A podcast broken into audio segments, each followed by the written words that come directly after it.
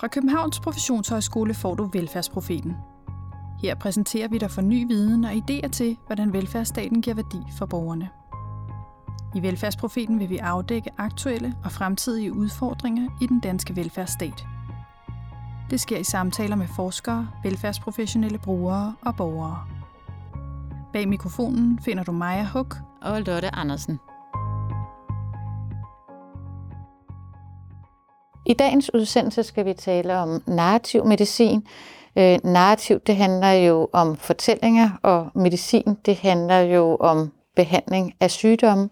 Så narrativ medicin, det handler altså om at bruge fortællinger i behandling af sygdomme. Ja, grund til, at vi skal tale om det, er jo faktisk, at øh, Christel Trøstrup i en tidligere podcast lige fik nævnt det i afslutningen af interviewet, og så blev vi simpelthen så hugt, så vi tænkte, det er vi simpelthen nødt til at høre noget mere om. Og øh, derfor skal vi også tale med Christel i dag. Men først skal vi tale med smertesygeplejerskerne Susanne Molin og Gitte Ågård fra Videnscenter for Børnesmerter på Rigshospitalet. Og bagefter taler vi så med Christel Trøstrup og Lisa Dalle her fra Københavns Professionshøjskole.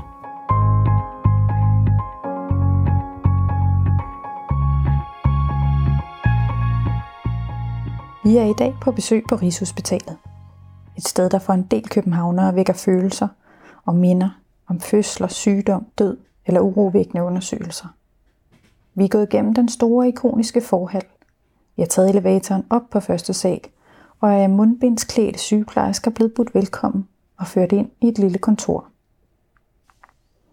Har fyldt med hvide ringbind, kaffekopper, skærme og en masse bøger med titler som Slipsmerterne. Vi kan høre almindelige hospitalslyde på gangen. Latter, døre der åbner og lukker – vi fornemmer en vis travlhed, men samtidig sjovt nok også en varm og rolig stemning. Ude af vinduet kan vi se Panums farverige skorstene. Dem vender vi tilbage til senere. I dag skal vi tale med to sygeplejersker fra Videnscenter for Børnesmerter om deres brug af sprog og fortællinger i deres arbejde.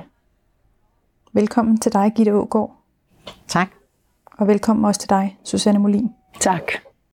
Kunne I fortælle lidt om, hvad er fantasirejser egentlig for noget? Det er mig, der starter. Det er dig, der starter. Ja. Øhm, fantasirejser er i virkeligheden bare en samtale mellem to mennesker, hvor den ene bestemmer, hvad for en virkelighed øh, det handler om. Øhm, og vi, vi, vi gør det egentlig alle sammen. Øh, det er et slags dagdrøm, som, øh, som, som bare er hjulpet lidt på vej. Øh, så det, det er ganske sådan simpelt øh, øh, øh, værktøj. Og hvordan bruger I de her fantasirejser? Jamen, vi bruger det øh, jo til børn. Vi arbejder kun med børn. Øh, og vi, vi bruger dem som en del af, af smertepakken. Øh, øh, og det kan for eksempel være til øh, i forbindelse med øh, medicinske procedurer, som det at få taget en blodprøve der ved vi, at der er nogle ting, der altid øh, skal ligesom være til stede ved børn. Øh, de skal have lokalbedøvende creme på, og de skal sidde godt og sidde op og sidde hos en forælder, hvis det er den alder. Øh, og hvis de er små, skal de amme eller have sukkervand. Og så skal de have distraktion. Det er simpelthen en del af det. Og, og en af de måder, man kan lave distraktion på hos øh, børn, men sikkert også hos voksne, det, øh, det er ved fantasirejser. Og der øh, siger vi simpelthen til, til barnet, at vi kender en måde, sådan så det vi skal lave, at det generer mindre, om de har lyst til det. Og hvis barnet siger, at øh, det vil de gerne prøve, så, øh, så spørger vi til, om der er et sted, de hellere vil være. For eksempel en her. Øh, og hvis de skal hjælpes endnu mere, så har vi sådan forskellige, altså jeg tror, at alle, der arbejder med det her, har sin yndlingsfantasirejse. Så øh, øh, det kunne for eksempel være, at øh, over, oven på Panum, som vi tit kan se herfra, der er jo sådan nogle fine skorstene i forskellige farver, så det kan være, hvis vi kan se dem, vi peger ud og siger, kan du se de skorsten derovre? Det kan de godt. Jeg har faktisk et flyvende tæppe derovre. Kunne du tænke dig at komme ud på en tur på det? Og så kører den derfra. Så taler vi nutid. Vi taler om, hvad du ser. Hvad, altså det er i virkeligheden barnet, der fortæller. Hvad er der til højre, hvad er der til venstre, og hvordan mærkes det? Er det koldt, er det varmt? Øh, hvad hører du? Og, øh, og så roser vi undervejs.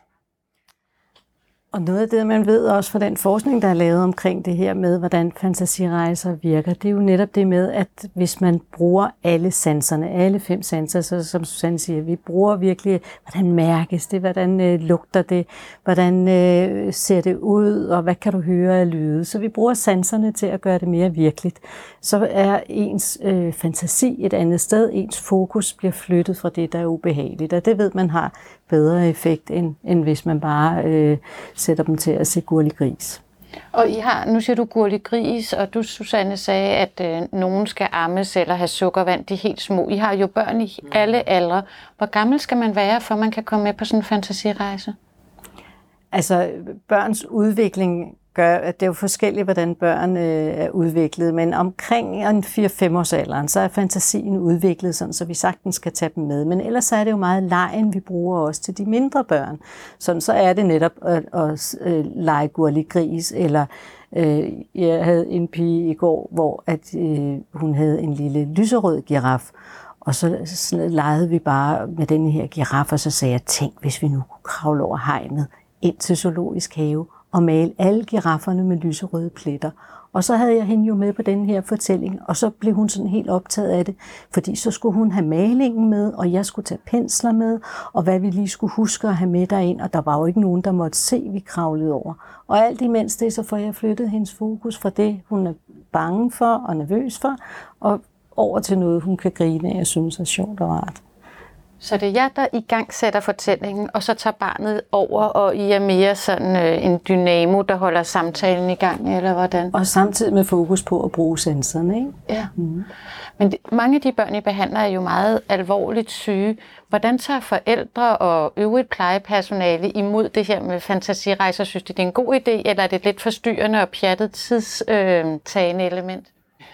Øh, nej, altså det, det bliver taget rigtig godt imod øh, og, og det er magi. Altså, man kan virkelig se en forskel. Og du, man oplever også, som den, der står ved siden af, for eksempel selv at blive mere afslappet. Og som forældre oplever man at blive mere afslappet. Der skifter en, en stemning på stuen. Så det bliver taget godt imod. Hvis man har sådan meget øh, sådan naturvidenskabeligt øh, funderet øh, forældre eller personale, som, som synes, at ah, det er vist lidt noget pjat det der. Så er det jo, som Gitte sagde, findes der masser af forskning på, hvordan distraktion øh, påvirker øh, centre i hjernen. Øh, blandt andet den periakvidale grå substans, som udskiller endorfiner og enkefaliner, som jo er kroppens morfin, kan man sige, sådan en citationstegn. Øh, så derfor virker, ved vi, at distraktion under smertefulde procedurer virker øh, smertehæmmende. Kunne I fortælle lidt om, hvis man er ny, hvad skal der egentlig til? Hvad kræver det af behandleren at kunne lave sådan en fantasirejse? Det kræver, at man tør give lidt af sig selv. Det kræver, at man ligesom tør gå med barnet og invitere barnet til den her leg. Og når man har barnet med på lejen, så bliver man jo lidt inviteret, hvis man tør, ikke? Men hvis man er sådan øh, lidt stiv i det og ikke rigtig tør give noget af sig selv, så tror jeg også, det er svært. Men det plejer vi at sige til øh, de unge nye sygeplejersker, at det er man simpelthen nødt til at kunne, hvis man gerne vil arbejde med børn. Det er ikke nok bare at synes, at børnene er søde. Man er nødt til ligesom at kunne vide, hvad det er, man gør, vide, hvad det er, der virker, og så kunne give lidt af sig selv. Så har, man, altså, så det, har vi en kæmpe, kæmpe gave i, i forældre, mm. der jo kender deres børn. De ved lige præcis, hvad det bedste er. Så, så, øh, så ved ligesom også, især til mindre børn, at inddrage dem i det. Så altså, kan man rent faktisk som sygeplejerske ved ganske små sådan støttende bemærkninger i gang til en proces, der kører over en verden, som de laver sammen, så er der fuldstændig arbejdsro, kan man sige. Og det er også, som vi to snakkede om i går, sådan at, øh, at vi, vi har også rigtig meget brug for nogle sygeplejersker, der, undskyld, nogle sygeplejersker, der tør at gå ud og være rollemodeller og vise, sådan her gør vi. Fordi det, det er det med at skulle give lidt af sig selv og, og turde være i det, også når det er svært. Også at sige til forældrene, hør her, dit barn har brug for det her lige nu, så skal vi være på hold og hjælpe sammen. Men også, når det er svært, altså ikke kun at tale, nu taler jeg ikke så meget om narrativ, mm. tale om, hvordan vi vil gøre, men rent faktisk gå ind og gøre det. Mm. Øh, og så, øh, eller stå ved siden af og og ligesom når man bliver oplært til at lære en sonde, så har man måske set det nogle gange, man har ved teoretisk, hvordan lægger man en sonde. Og så første gang man selv skal lægge en sonde på et andet menneske, så står der måske en mere erfaren ved siden af og giver fif og træk, og nu skal du lige, og nu skal du lige sådan, og prøv lige sådan. Det samme skal man gøre ved de nonfarmakologiske ting, ved, ved de her distraktionsting. Sige, øh, være med og man kan sagtens, øh, uden at det behøver at forstyrre barnet og den der øh, verden, fantasiverden, eller hvad man har bygget op, stå ved siden af og, og komme med, med, med gode råd. Gå lidt tættere på, eller hold dig lidt i afstand. Eller, lad dem lige selv. Eller. Så man kan sagtens øh, gå, have den her mesterlærer omkring det her også. Men det må alligevel have krævet mod at gå i gang med den første fantasirejse. Kunne I fortælle lidt om det? Jeg, jeg tror, at en af de første gange, det var i et ambulatorium med et barn, der skulle stikkes i sit knæ. Et gigt barn, og der var virkelig sådan en opspændt stemning, og, og det var meget gavet personale, og jeg følte mig som alt andet. Og øh, jeg kunne bare mærke den der ubehag, der var i rummet. Og så, så tænkte jeg, nu, nu, begynder jeg, nu begynder jeg bare at snakke, og så lader jeg som om de andre ikke er der. Og øh, undervejs der, så siger han, at det var en pige. Så siger hun, nej, det er ikke sådan. Så hun korrigerede mig, og jeg følte mig som stor fiasko. Nå, men vi fortsatte, og bagefter, der, var, der tænkte jeg, ej, det gik jo rigtig dårligt det her, det kunne jeg jo ikke finde ud af. Og så var, altså, så var det lige før, jeg havde heltestatus, og det der skete, var også, at, øh, at jeg kan huske tydeligt lægen, sådan en stor type, der sad der, ligesom faldt sammen også og blev rolig, og det hele blev sådan lidt, lidt i slow motion, som jeg oplevede det i hvert fald. Fantasirejser, det er sådan en meget konkret måde at bruge sproget til at flytte fokus, men I bruger også sproget på andre måder. Kunne I fortælle lidt om det? Ja, der øh, har vi de, de sidste par år haft rigtig meget fokus på, hvordan vi kan hjælpe både personale og forældre til at bruge sproget på en en mere konstruktiv måde. Fordi et lille barn på øh, en 4-5 år, der får at vide, at du skal ikke være bange, der overhovedet ikke har overvejet, at det skal være bange. Det bliver det jo for alvor, hvis mor siger, at du skal ikke være bange. Så det med at hjælpe forældrene til at sige, øh, kom nu skal vi ind og øh, lave noget sjov herinde, eller vi skal snakke om, hvad har du lavet i børnehaven, eller vi skal snakke om, hvordan var det at være til fødselsdag hos Emil i går. Sådan så vi igen flytter fokuset. Det handler det jo meget om at få øh, alt det ubehagelige til at blive til noget sjov og leg for børnene. Ikke? Det er jo også, altså, tænk hvis du gik ind i en restaurant, og de så kommer og siger, dag og velkommen, vi har et bord klar til jer, men I skal ikke være bange. altså, vi har prøvet det mange gange før. Altså, bare det vender jo ligesom forventningen til at komme ind på den her restaurant. Og du har sikkert aldrig overvejet at være bange for at gå ind på restauranten.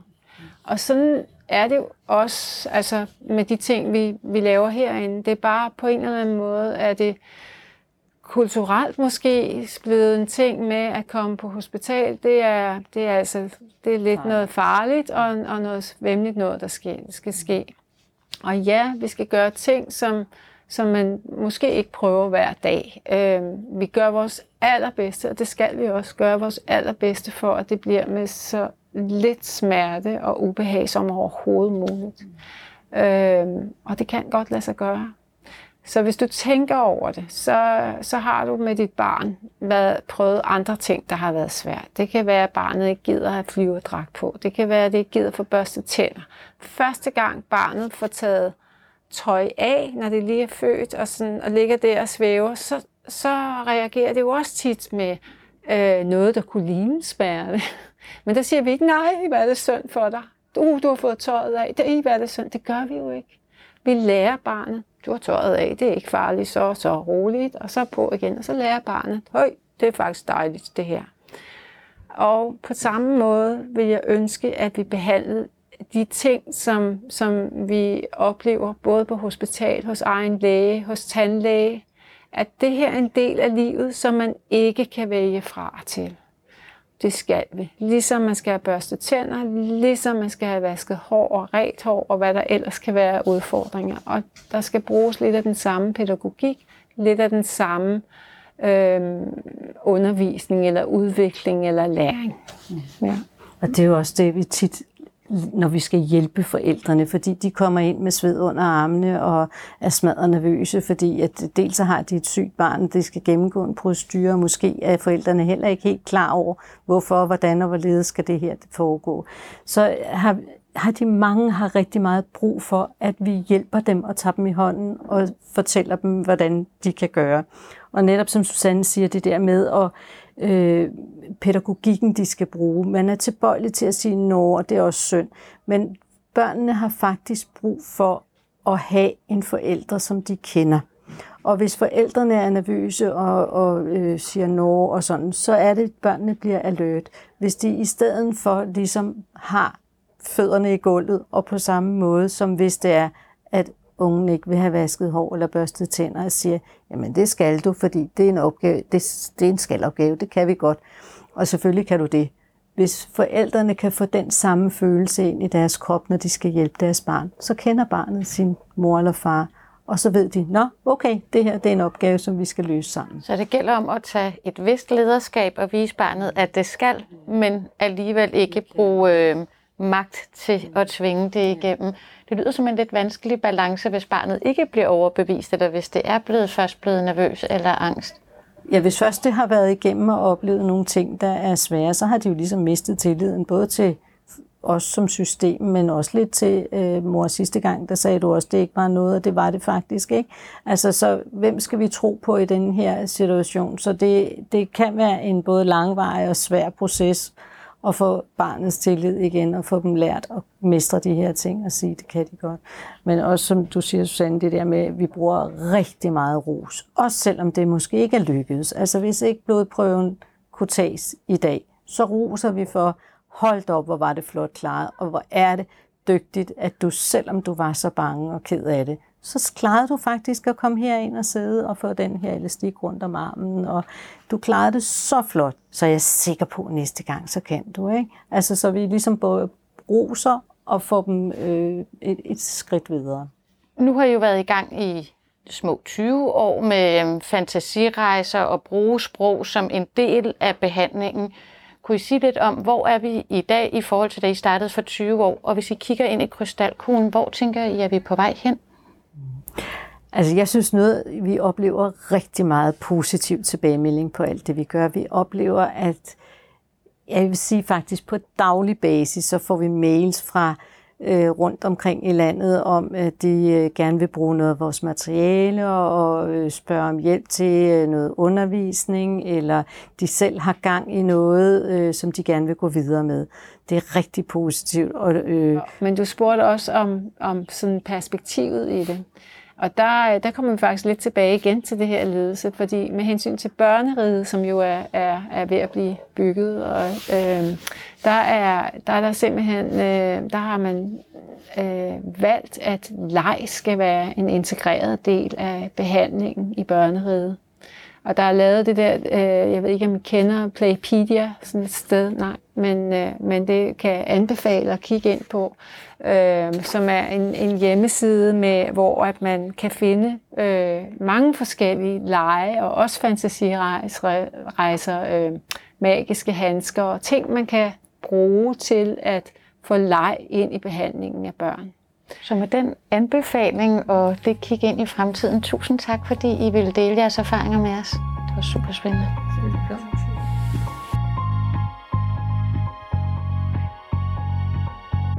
I dag skal vi tale med lektor og Ph.D. Christel Trøstrup og lektor og Ph.D. Lisa Dallager, som begge to øh, forsker i og skriver om narrativ medicin. Velkommen til, Lisa. Tak. Og velkommen til dig, Christel. Tak. I sidder her med et øh, superflot ark foran jer med masser af farverige notater, så det glæder vi os meget til at høre mere om. Ja, vi har været virkelig spændte på at høre om det her narrativ medicin. Det er et ord eller et begreb, der dukker op mange steder. Vi kommer mig og jeg efterhånden. Og sidst, da vi talte med dig, Christel, der nævnte du det også som det aller sidste, så vi tænkte, vi må skynde os at invitere Christel igen og få at vide, hvad handler det egentlig om, det her med narrativ medicin? Tak for det, og tak fordi I måtte komme. Øh, narrativ medicin er særlig relevant ind i sundhedsvæsenet, fordi man arbejder med, hvordan narrativer kan bruges til at forstå lidelse, øh, når folk er syge. Og der er altså den vigtige pointe, at hovedparten af de utilsigtede hændelser, der bliver indrapporteret fra pårørende og patienter, de handler om kommunikation. Mm. De handler ikke om medicinfejl. De handler ikke om øh, problemer med en undersøgelse, der blev forsinket. De handler om, at de sundhedsprofessionelle ikke kommunikerer på en respektfuld, ordentlig måde. Mm. Og der har vi altså en opgave, vil jeg sige. Lægens blik, eller sygeplejerskens blik, det er på diagnose, hvor patienten forstår det indefra på en anden måde. Og den lidelse, den, øh, den er vigtig at arbejde med. Narrativ medicin er jo en bestræbelse på at meta-eksternalisere. Og hvad mener jeg med det? Jamen der mener jeg, at det at tænke, at når mennesket kommer ind i øh, vores sundhedsvæsen, så bliver det en patient. Lige fra start. Og vi overvejer ikke, at den patient også er et menneske, der sejler kajak, eller går til rumba, eller hvad ved jeg. Og i det blik ligger der jo nogle ressourcer, som vi fuldstændig aflyser, fordi den der patientskjorte, de får på, den kører bare. Bussen kører fuld skrue. Og, og det, at systemet er så hårdt øh, fokuseret på det, det gør, at vi skal løfte blikket ikke bare på en eksternalisering på relationel plan, som jeg ellers synes er rigtig hjælpsom og vigtig, men simpelthen tænke det højere op i vores, hele vores filosofi og vores organisering omkring sundhedsvæsenet. Så, så narrativ medicin bliver dermed en form for overeksternalisering, altså en metaeksternalisering, et blik udefra ned på hele måden, vi organiserer på, og hvad det betyder for vores ledelse, organisering, de sundhedsprofessionelle, patienter og pårørende for ikke at det bliver så kæmpe stort og bredt. Men et andet eksempel, som, hvor jeg tænkte, at der kunne narrativ medicin have været godt, det er, hvor jeg observerer en, en øh, patient, som sidder i et ambulatorie. Og øh, sygeplejersken kommer ind og ordner de her, øh, den her medicin, han skal have over en periode. Og øh, så interviewer jeg ham og spørger, hvor længe har du været syg, og hvordan, hvordan, hvordan plejer du at være her og sådan noget. Og han fortæller så, at øh, det er første gang, han er der uden sin kone. Og øh, han har måske været der han 12 gange, tror jeg, eller sådan noget. Så han kommer fast i ambulatoriet. Og så spørger jeg, nå, jamen, øh, jamen hun skulle noget andet i dag. Jeg siger, hvad, hvad, hvad, det at have hende med, hvad betyder det? Jamen, det betyder jo alt. Det betyder alt for mig, at vi gør det sammen. Og så visker han, men de ved ikke engang, hvad hun hedder. Og der tænker jeg, det er for mig et eksempel på et, en, en, en forråelse, der sætter sig igennem på en rigtig kedelig måde. Fordi denne her mand, som er et par 80, han kan nærmest ikke noget uden sin kone. Og lige i dag kunne han så, fordi hun skulle noget meget vigtigt, noget andet. Men hvis ikke personalet ved, hvad hans kone hedder, efter at de har været der 12 gange, så er der noget at arbejde med. Man taler nogle gange i narrativ medicin om tykke og tynde fortællinger, at når man kender en person godt, hvis vi kender jo fra, hvis vi laver fotobøger til vores børns øh, konfirmationer eller fødselsdage, det er næsten ikke til at begrænse sig, men når man kommer ind på et hospital, så bliver historien pludselig meget tynd, og I prøver så at tykne den historie igen, eller hvordan? Vi prøver to ting. Vi prøver at fortykke den fortælling, der er om mennesket. Men vi er også optaget af, at det ikke kun skal være en fortælling, og en modfortælling. Men at blikket for de mange fortællinger faktisk er et righoldigt sted, hvor vi finder ressourcer til at hjælpe mennesker med deres heling. Så for at det ikke sådan bliver to dikotomier, der står foran hinanden, eller to modsætningsforhold, altså patientrollen og menneskerollen, så er vi optaget af, at de mange fortællinger og de mange stemmer, det er det, der er med til at give et mere øh, helende forløb for borgeren. Ja, så, så vi snakker om at brede perspektivet ud. Ikke? Tykning er også et godt ord, men, men samtidig med at tykning skal man også brede den ud. Der er øh, andre muligheder. Andre muligheder, ikke? Yeah. Ja, så der er alternative muligheder. Så det at, at erfare det, både igennem det at tale med mange patienter som sundhedsprofessionelle, så når man jo få mange fortællinger igennem nogle år, ikke? Og det at kende til litteratur og til øh, hvad hedder det, kunst, der beskriver de her situationer, gør, at man kan brede historien ud, hjælpe patienten og de pårørende med om at brede historien ud. Der er faktisk andre alternativer. En af de ting, der sker, når vi er syge, det er, at vi ofte kan komme i kontakt med rigtig mange negative følelser. Frygt, manglende håb, skyld, skam. Det er en virkelig øh, hæftig øh, følelse, når man er syg, at, øh, at skammen kommer til at ride en simpelthen. Så, øh, så det, at man har et menneske, kan tale med et menneske, der gør, at man kan komme for øje på, at det kunne være anderledes. Altså, at der er måske, der er håb måske, at, øh, at der er øh, andre måder, man kan håndtere sit liv på, og på den måde åbne en lukket, noget der meget hurtigt bliver en lukket øh, Stigmatisering. stigmatisering, men også altså inden i en, en, en, en, en følelse, der lukker ned. Og en af vores pointer, som også er pointen i, på Columbia, hvor det blev udviklet, det er, at sygdom og lidelse er altså to sider af samme mønt. Øh, og at det er begge dele er en kerneopgave for den sundhedsprofessionelle. Så det er ikke kun sygdommen, det er også lidelsen. Altså det er jo mennesker, der har sygdomme, og derfor så er det mennesker, der bliver ramt af, af lidelse gennem sygdommen. Men for de fleste mennesker, når de bliver syge, syge, så har det jo konsekvenser ind på alle mulige måder af deres liv. Hvis det er alvorlig sygdom, så det, har det konsekvenser for, hvad med min fremtid, øh, hvad med mit arbejde, hvad med mine venner, hvad vil, altså alt muligt kan forandre sig. Hvad med, hvis man har smerte hver dag, forandrer ens liv så også. Så sygdom følger, følger ofte sammen med lidelse.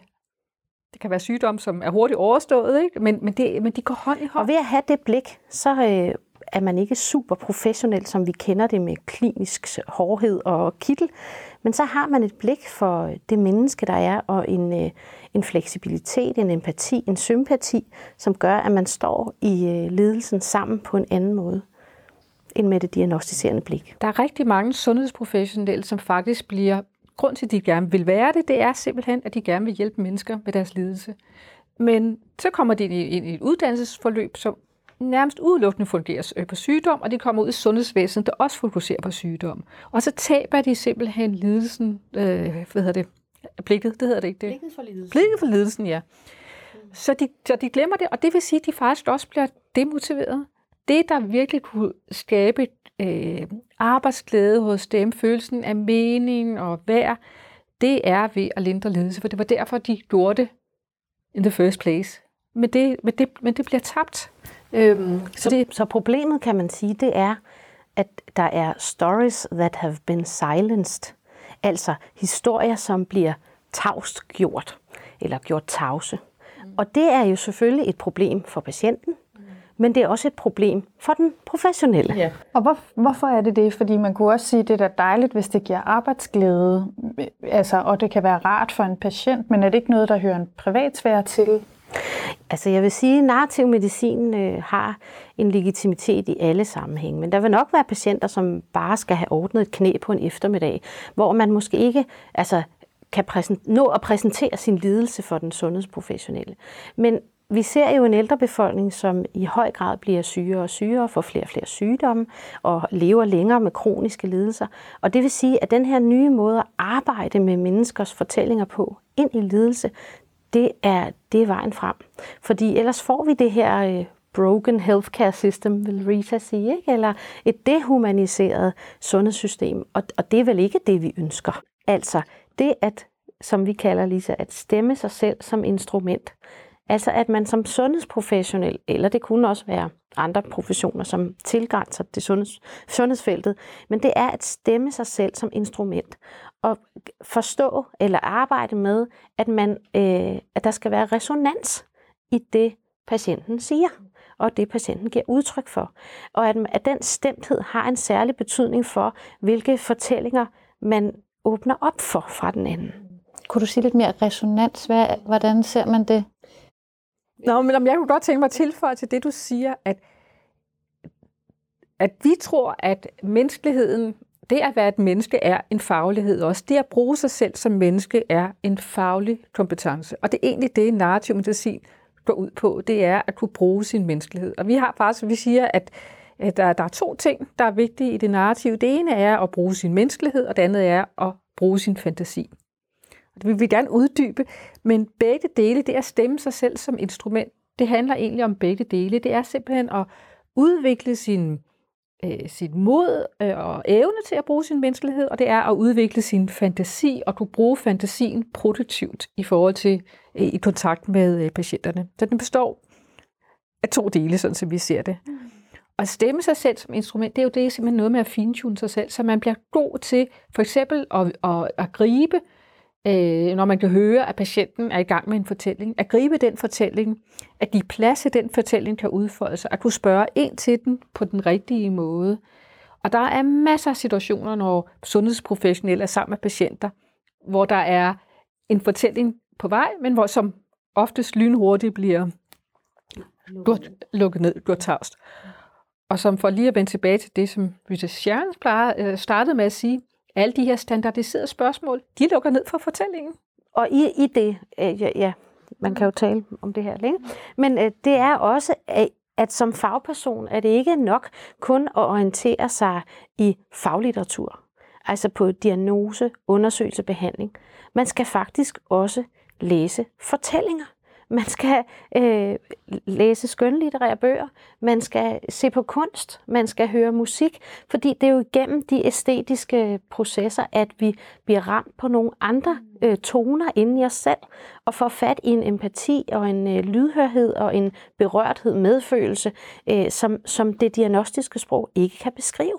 Så det er jo noget med at sige, hvis man er en motor som sundhedsprofessionel, hvad er det så for en benzin, man putter på den?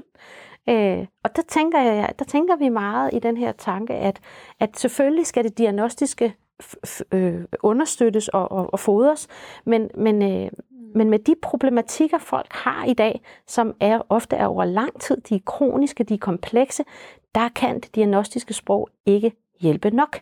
Og der har man den der forpligtelse som sundhedsprofessionel. Og det at at have sin fantasi, at orientere sig i det æstetiske, det gør jo, at man kan tilbyde alternative fortællinger, og at man kan udfordre nogle fastlåste opfattelser og positioner og absolutter, som patienten ikke har godt af at gå rundt i. Så, så det er derfor, vi tænker det som en bredere type faglighed. Men du nævnte før, at øh, der skal både være plads til diagnosen og til fortællingerne, og samtidig siger du, Lisa, at der bliver ikke åbnet så meget for fortællinger, hvis man bruger standardiserede svar. Mm. Men standarder har jo i lang tid været en kvalitet inden for sundhedsvæsenet, mm. altså kraftpakker, og når man ringer ind til 1813, så er der også nogle bestemte flowcharts, man kører igennem. Mm. Så hvordan kan man få plads til begge dele? Hvordan kan man både sikre sig, at man får stillet de rigtige spørgsmål i forhold til en diagnose, og samtidig holder sig åben over for, at det her æstetiske også får plads? Jeg tror, det første er i hvert fald at vide, at, eller tænke, at ens kerneopgave består af begge dele. At vide, at det er, at, at, at, at det er komplementært, og de har brug for hinanden. Det er kvalitativt den anden viden, du får. Øh, øh, du får. Og oftest er det jo så også sådan, at øh, patienter for eksempel kommer til en praktiserende læge, og de har faktisk, eller taler med en sygeplejerske, og de har noget på hjertet, men som de har svært ved at få spurgt om. Og så spørger de om det på vej ud af døren. Ikke? Det er en historie, vi kender. Og her der prøver vi at vende om og sige, nej, det er faktisk det, der skal måske være indgangen ind til det. Øhm. Jeg tror også, det handler om, at de standardiseringer, vi har mm. i sundhedsvæsenet, det giver den sundhedsprofessionelle en oplevelse af kontrol. Af at være i kontrol og være faglig. Mm. Og det vil sige, at alle de tjek-hak, øh, man skal tjekke af, det tænker man, at det skal man igennem for at være sikker. Men hvis man giver den plads, som Lisa snakker om, så vil patienten selv fortælle, jeg har urinvejsinfektion, eller jeg har bøvl med dit, dut og dat. Og, og det kommer af sig selv, hvis man ligesom sætter rummet til det. Mm. Alting handler jo om at lave en ramme for, at det bliver muligt. Og der vil jeg bare sige, at det der med, hvorfor, eller ikke hvorfor, men det her med øh, standardisering, er det ikke godt og sådan noget? Jo, det er jo godt på den måde, at vores sundhedsvæsen er langt fremme og har rigtig meget viden, som er rigtig vigtig. Problemet er, når den form for øh, måde at gå til et felt på smitter af på kommunikationen og på pædagogikken og på hele det, den måde, man går til mennesker på. Og det er jo der, vi skal stoppe op og sige, jamen den fagpersonen skal selvfølgelig bruge sin faglige viden, men der skal være en eller anden, øh, ja, man skal stoppe op og tænke over, er det egentlig ok, at, at den måde at arbejde med, med ting på går over på det menneske, jeg sidder overfor? Det, det er jo det, problemet er, og det er jo derfor, vi er så optaget af det. Og måske bare lige lyst til at tilføje, fordi det er jo ikke et enten eller. Det er ikke sådan, så enten så skal vi have, have sygdom i fokus, diagnoser, eller skal vi have lidelse og øh, og, og fortællingen i, fo- i, i fokus. Det er ikke sådan to forskellige ting. Heller tænke, de to komplementerer hinanden, og der er meget midt imellem. Altså, så øh, det, det er ligesom, det, det kan skabe sådan nogle det er ligesom frygt-scenarier, øh, ikke? Så skal vi slet ikke have pakker eller standardisering. Men det er ikke det, vi taler om. Vi taler om, at begge ting er mulige og går hånd i hånd. Men vil man ikke kunne stå som sundhedsprofessionel i nogle dilemmaer? Altså jeg ser for mig en mm. patient, som har et ganske andet selvbillede af, hvad der er gang i i vedkommendes krop, end hvad øh, testsvarene måske tilsiger. Mm. Altså nogen, der måske føler sig meget syge, men der er ikke noget at se på mm. nogle prøver, eller modsat. Men de vil jo altid være der. Mm. Det, det problem vil altid være der. Og, og det tænker jeg, det, altså, hvis der er et misforhold mellem, hvad patienten oplever, og den sundhedsprofessionelle, så mener vi, at det ligger på den sundhedsprofessionelle kappe. Ja. Fordi den kommunikation, der skal faciliteres, rammesættes og gøres ordentlig, respektfuld øh, og plads til fortælling, det er den sundhedsprofessionelles ansvar. Ja. Som leder samtalen. Som sundhedsprofessionel har man jo en, har man jo en ledelsesopgave. Men jeg kan heller ikke se, hvorfor det er et dilemma. Jeg tænker tværtimod, så er det jo netop en mulighed for at kunne tale med patienten jeg tænker, at jeg kunne, forestille, jeg kunne forestille mig som sundhedsprofessionel, hvis jeg inviterer den fortælling ind, så er jeg også mere forpligtet til at forholde mig til den. Det er let op, yeah. men det er jo præcis det, der er fordelen. Ja. At du netop forholder dig til den. Det at åbne for et flow i kommunikationen og øh, mærke, altså vide, jeg vil dig. Jeg vil høre, hvad du har. Du har noget vigtigt, der betyder noget for mig, og det er noget, vi kan gøre sammen, og nu sætter vi rammen på det. Øh, det er jo det, der gør en forskel. Fordi at det ikke bare bliver, øh, har vi nået den blodprøve, eller øh, kan vi nå den undersøgelse, eller hvad, hvad siger scanningssvaret? Eller sådan Det skal nok være der. Det skal nok køre. Det kører jo nærmest helt automatisk. Men det andet med at give plads til menneskeligheden, medmenneskeligheden, og at øh, få talt om de her øh, roller i det, og være der for hinanden, det er jo en ressource. Altså vi ved jo, at det at stå sammen under sygdom og sundhed, det gør, at folk lever længere, og de bliver øh, de diagnostiseret tidligere, og de får færre tilbagefald. Det ved man statistisk. Så det er jo ikke bare en gang øh, humanistisk øh, halleluja her. Altså, det er jo noget, der rent faktisk har en betydning, at man får styrket de relationer. Og det er både relationerne mellem patienten og den pårørende, men også relationen til den professionelle. Og noget, der var ret slående, vi, vi har interviewet en del af par, øh, og noget, der var ret slående, det var, at de sagde, der er ikke en eneste gang, at folk at nogen i sundhedsvæsenet har spurgt os som par, eller har kigget på mig som partner til den syge og spurgt mig, hvad med dig, eller hvordan har du det? Øh, spørgsmål, der handler om, hvad betyder det, at den ene har fået kraft for jer i jeres hverdag? Der er en af dem, vi interviewede, som beskriver det som en uboden gæst, der flytter ind i deres hjem. Og det er jo det, kraft er. Det er en uboden gæst, som kommer og forstyrrer det hele og ligger sig i ægte sengen ikke, mellem de to. Øh, men de, de beskriver, eller de beskrev alle sammen enstemmigt, at der var, det var ikke en eneste gang, de har oplevet, at det var blevet, der var nogen, der forholdt sig til det, eller givet mulighed for at snakke om det. Øhm. Mm. Nu taler vi jo meget sådan bredt om det. Ja. Er det her noget for alle? For alle patienter, eller for alle sundhedsprofessionelle? Begge dele. I en travl akutafdeling, så vil jeg sige, der har det måske lidt svære kår, fordi der er en fart og et speciale, som i den grad handler om at få folk hurtigt ind ad døren og ud igen. Men, men det er så i forhold til patientgruppen, øh, hvor jeg tænker, at den narrativ medicinske tilgang kunne jo sagtens tilbyde de sundhedsprofessionelle der noget. Altså en øh, sensibilitet over for hinanden, for ikke at man bliver øh, forrådet, som vi har snakket om tidligere.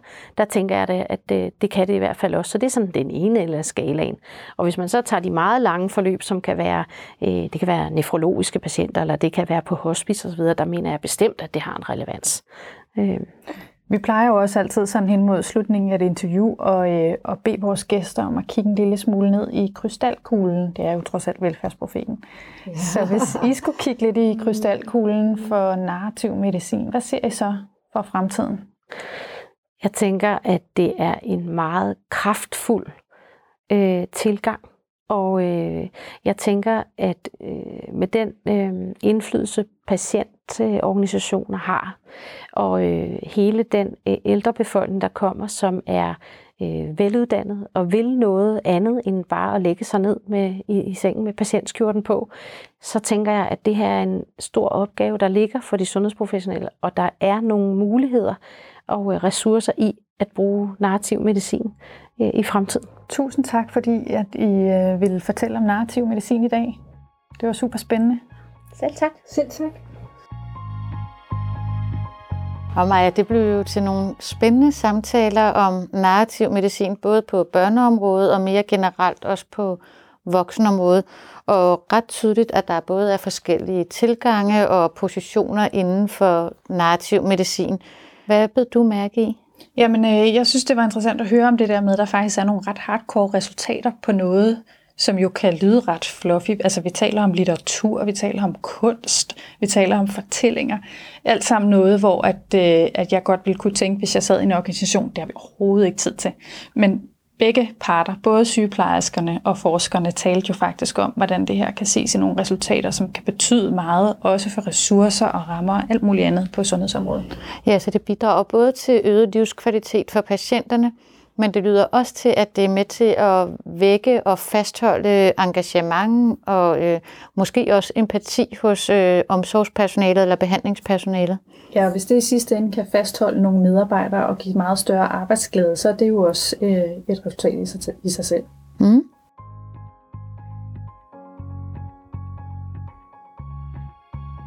Husk at abonnere på Velfærdsprofeten. Du finder os, hvor du normalt finder dine podcasts.